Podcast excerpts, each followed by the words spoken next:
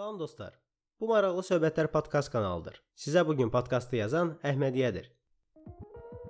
Kanalımızın əsas məqsədi faydalı məlumatları sizə maraqlı şəkildə çatdırmaqdır. Podkastlarımızı maksimum qısa edirik ki, səsimizdən çox bezməyəsiniz və işə gedib gələrkən qulaq asa biləsiniz. Bugünkü mövzumuz isə Toxum kitabıdır. Bu kitab elə bu yaxınlarda əlimə düşdü. Kitabda sosial sahibkarlıq, crowdfunding, biznes terminləri haqqında məlumatlar toplanılıb. Ən maraqlısı odur ki, bunların hamısını çox sadə dildə çatdırıblar. İlk öncə onu qeyd edim ki, bu reklam deyil. Sadəcə bu kitabı o qədər sevmişəm ki, hiss etdim ən azı onun haqqında nəsə deməliyəm. Bu gün kitabdan sadəcə bir hissəni sizə oxuyacağam.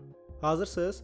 Abşeron mayakı və xalq arasında Damba adlanan ərazinin arasında Bakı şəhərindən 43 kilometr məsafədə Gürgən adlı qəsəbə yerləşir. Azərbaycan tarixində bu qəsəbənin və kəndin rolu araşdırılmayıb, amma Toxum Orqun tarixində bu məkan vacib yer tutur. Məhz orada 2017-ci ilin avqustun 12-sində Rəhim kişinin bağında, daha dəqiq desək, bağın bu sözü demək biraz çətindir mənə. Küləfirəngisində iki adaş Toğrul Vəli və Toğrul İsmailov Toxum Orq adlı platformanın yaradılmasına qərar verdilər. İdeyanın məğzi Azərbaycanda son zamanlar baş verən proseslərlə bağlı idi. 2015-ci ildən sonra ölkədə informasiya texnologiyalarının inkişafı sürətlənirdi. Artıq həyatımızı bəzi tətbiqləri istifadə etmədən təsəvvür etmək çətindir. Eyni zamanda iqtisadi böhran yeni növ sahibkarlığın yaranmasına şərait yaratdı. Bu isə sosial sahibkarlıq idi. Bəs iqtisadi problemlər çərçivəsində sosial sahibkarlıq necə inkişaf etməlidir? Məhz bu suallar ətrafında düşünərkən Toxum.org platforması ideyası yarandı. İki əsas məsələ var idi. Sosial sahibkarlıq və sosial sahibkarlığın maliyyələşməsi. Əgər ideya varsa, onu necə maliyyələşdirmək olar? O zaman məhz crowdfunding sisteminin yaradılması fikri yarandı. Davam etməzdən öncə qeyd edim ki, Toxum.org platforması var. Ora daxil olub öz ideyanızı ora yazıb və o ideyanız üçün büdcə toplaya bilərsiniz. Gəlin indi biraz crowdfundingin tarixindən danışaq. Crowdfunding internet vasitəsilə insanların könüllü olaraq kollektiv şəkildə öz vəsaitlərini və digər resurslarını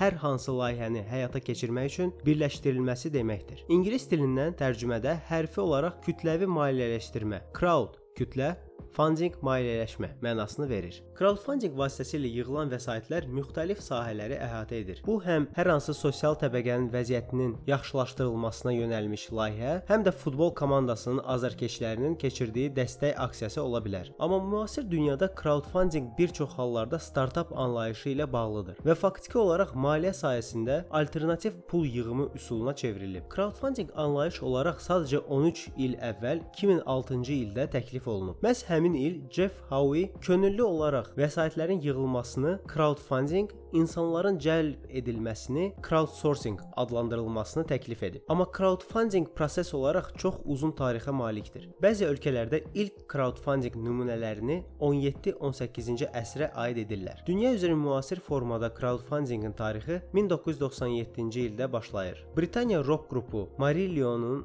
fanatları qrupun ABŞ ərazisi üzrə konsert turunun təşkilini istəyirdilər. Qrupun buna etməsinə vəsaiti çatmırdı. Nəticədə qrupun iştirakı olmadan onun fanatları bu məqsədlə 60 min dollar yığdılar. Sonradan qrupun bir neçə albomu da belə çıxarılmışdır. Ümumiyyətlə crowdfundingin ilkin dövrlərdə yaranması əsasən musiqi sahəsi ilə bağlıdır. Bu nümunədən sonra daha bir neçə ifaçı öz albomları üçün vəsaitləri crowdfunding vasitəsilə yığmışdılar. Nəticədə elə ilk crowdfunding platforması da musiqi musiqiyə aid idi. Bu 2000-ci ildə ABŞ-da yaranmış Artist Share adlı bir platforma idi. Musiqidən sonra crowdfunding kino çəkiliş sahəsində aktiv istifadə edilməyə başladı. Bu sahədə Eric Bauman adlı sahibkar 2002-ci ildə filmventure.com saytını yaratdı. 2 ildən sonra Fransa prodüserləri Demain La Veille, bilmirəm düz dedim bu sözü yoxsa yox, Dünənin gözlənməsi adlı filmin çəkişlərini bitirmək üçün internet crowdfunding kampaniyasına başladılar. 3 həftə ərzində onlar 50 min dollar yığaraq çəkilişləri davam etdirə bildilər. Etdilər. Digər tərəfdən onlar crowdfunding sahəsində bir ilkdən istifadə etdilər. Belə ki, 2 dəfə olaraq pul vəsaitlərini köçürən şəxslərə də təkliflər edilmişdi. Köçürülmüş vəsaitin həcmindən asılı olaraq pulsuz DVD, çəkilişlərdə iştirak, bonuslar və s.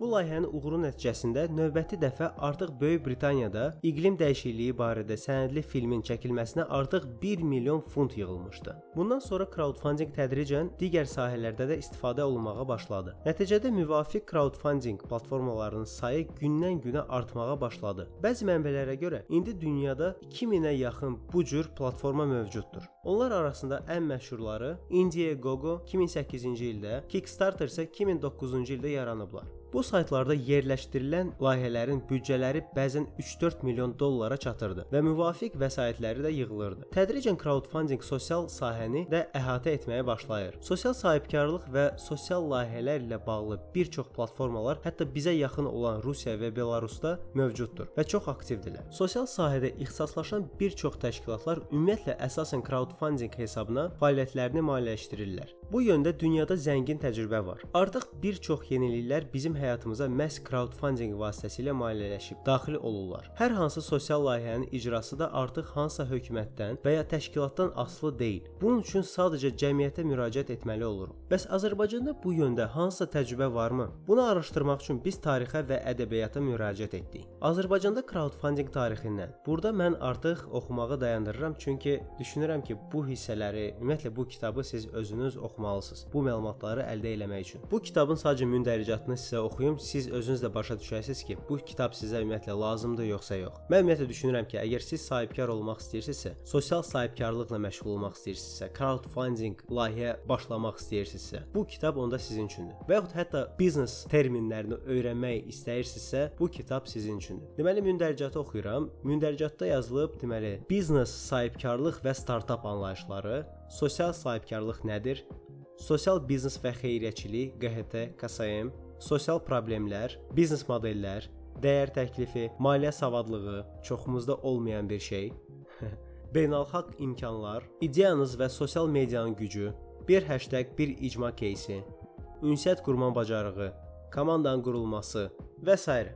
Hamısını oxumaq istəmirəm, çünki istəmirəm sizi bezdirim. Amma deyə bilərəm ki, burada yazılan hər bir şey mən əminəm ki, sizə lazım ola bilər. Kitab cəmi 111 səhifədən ibarətdir və burada düşünürəm ki, ən lazım olan elə bil ki, biznes və sahibkarlıqda bu sizin əlifbanızdır. Mən elə düşünürəm. Bəlkə də səhvəm. Sadəcə onu deyə bilərəm ki, kitab çox sadə dildə yazılıb, çox maraqlı yazılıb və ən lazımı şeylər burada qeyd olunub. Belə dostlar, Bu qısa podkast Toxum kitabı haqqında idi. Toxum kitabından daha doğrusu deyə bir hissə idi. Güman edirəm ki, sizə maraqlı oldu. Əgər crowdfunding haqqında daha çox məlumat əldə etmək istəyirsinizsə, bizim müsahibəmizi dinləyə bilərsiniz. Biz Toğrul bəylə bir podkast yazmışdıq. Orda ümumiyyətlə crowdfunding haqqında biz danışmışdıq ki, crowdfunding nədir? Siz öz layihənizi necə başlaya bilərsiniz və s. və öz layihənizi necə reklam edə bilərsiniz. Düşünürəm ki, həmin podkastı sizə çox maraqlı ola bilər. Belə dostlar, güman edirəm ki, crowdfundingin dünyadakı tarixi sizə maraqlı oldu. Olsa da, olmasa da bizə rəy yazmağı unutmayın. Sizin rəylərinizi alandan sonra biz podkastlarımızı daha da yaxşı edirik, daha da çox inkişaf edirik. Podkast xoşunuza gəldisə,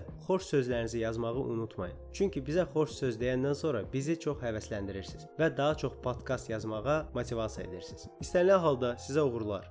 Növbəti podkastlarda görüşənədək